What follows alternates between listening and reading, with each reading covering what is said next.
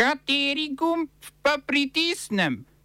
Tisti, na katerem piše OF. Poskus atentata na argentinsko podpredsednico Kristino Fernandez de Kirchner. Avstralska vlada povečala omejitev števila stalnih migrantov. Poročilo OZN o možnem kitajskem zločinu proti človečnosti glede ravnanja z Ujguri. Odločitev upravnega sodišča o nepravilnem ravnanju generalnega sekretarjata prejšnje vlade z informacijami javnega značaja.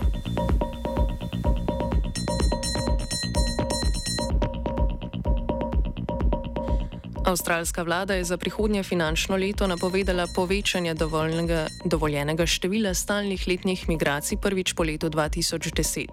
Povečanje bo za 35 tisoč migrantov z 160 tisoč na 195 tisoč dovoljenih migrantov letno. Odločitev vlade prihaja v času velikega pomankanja delovne sile, saj v zdravstvu, storitvenem sektorju in kmetijstvu primankuje skoraj pol milijona delavcev. Prav tako je brezposelnost v Avstraliji najnižja v zadnjih 50 letih, zato med obstoječo delovno silo ni dodatnih možnosti zaposlitve v omenjenih sektorjih. Na zadnje je Avstralija povečala dovoljeno število stalnih migracij leta 2010 in sicer na 190 tisoč. Na to je leta 2013 in 2017 postopoma to število zniževala do trenutnih 160 tisoč.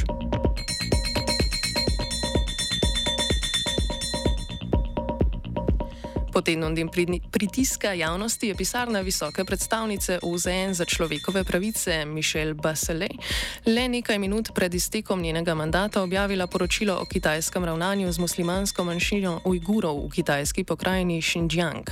V 45-stranskem poročilu Bachelet poudarja, da diskriminatorno in arbitrarno pridržanje Ujgurov v tonamenskih taboriščih pomeni resno kršitev človekovih pravic, ki lahko preraste v kaznivo dejanje proti človečnosti.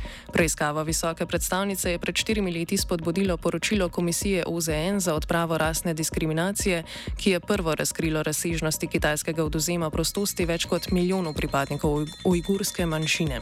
Od takrat je Mišel Bachelet zahtevala dovoljenje za obisk delegacije Združenih narodov na ujgursko območje, kar pa je uspelo šele pred štirimi meseci. Kitajska je sprva zanikala obstoj taborišč za ujgure, zdaj pa jih definira kot centre za usposabljanje poklicnih spretnosti.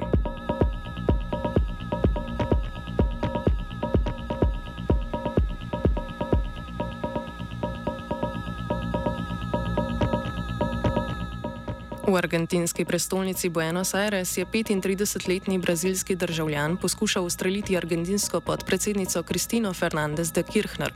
Ko je de Kirchner pred svojim domovanjem izstopila iz avtomobila, obkrožena s podporniki, je po besedah argentinskega predsednika Alberta Fernandeza moškava, moški vanjo uperil pištolo, nabito s petimi kroglami in stisnil sprožilec. Zaradi še neznanega razloga se pištola ni sprožila. Vloga Kristine Fernandez de Kirchner v argentinski politiki razdvaja tamkajšnjo javnost. Proti njej namreč teče sodni postopek zaradi obtožb po goljofivem podaljevanju pogodb za javna dela med letoma 2007 in 2015, ko je upravljala funkcijo predsednice. Fernandez de Kirchner, ki pripada sodobni struji populistično-nacionalističnih peronistov, je glava močne argentinske politične družine. Njen pokojni mož Nestor Kirchner je na funkciji predsednika vodil Argentino med letoma 2003 in 2007. Njun, njun sin Maksimo Kirchner je trenutno eden vidnejših peronističnih poslancev v argentinskem parlamentu.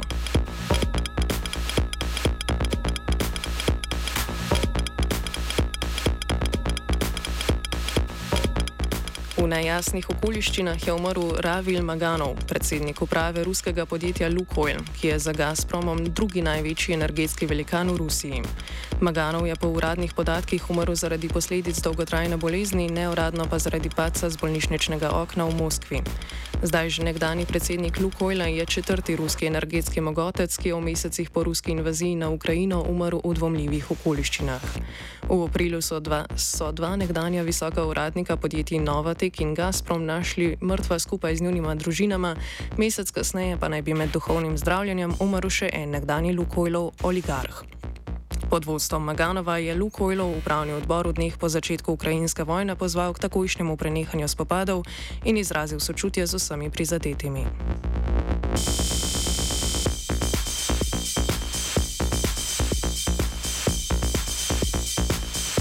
Nemška vlada.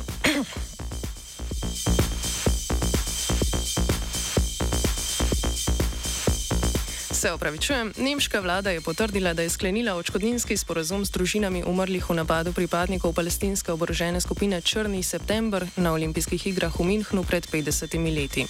V napadu in neuspešni policiji, policijski akciji je umrlo 11 izraelskih talcev. Skupna vsota očkodnine je 28 milijonov evrov. Prav tako bo nemška vlada objavila do zdaj tajne dokumente o samem napadu in poteku operacije zahodno-nemške policije.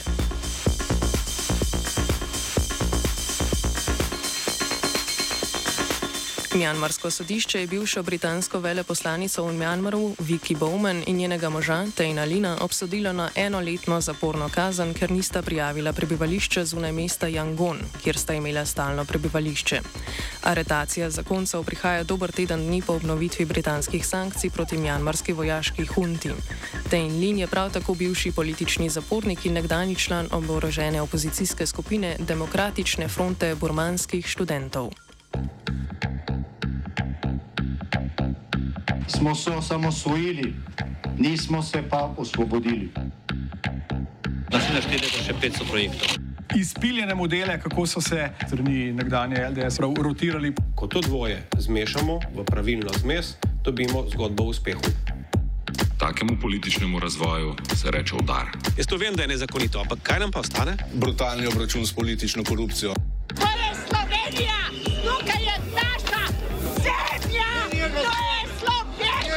Slovenija,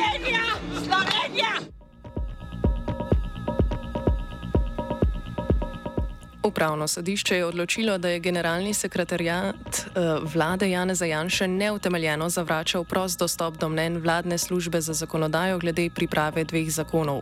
To ste bila predlog novele zakona o izvrševanju proračunov za leti 2021 in 2022 in predlog zakona o debirokratizaciji.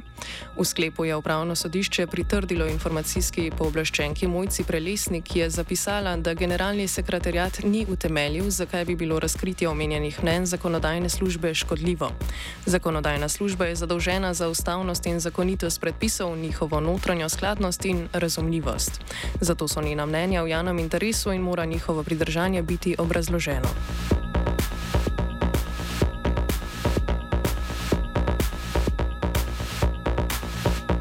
Na razpisu za odgovornega urednika multimedijskega centra Radio, Radio Televizije Slovenije, krajše MMC, ki se je zaključil pred enim tednom, so bile po neuradnih informacijah slovenske tiskovne agencije podane tri popolne in ena nepopolna prijava.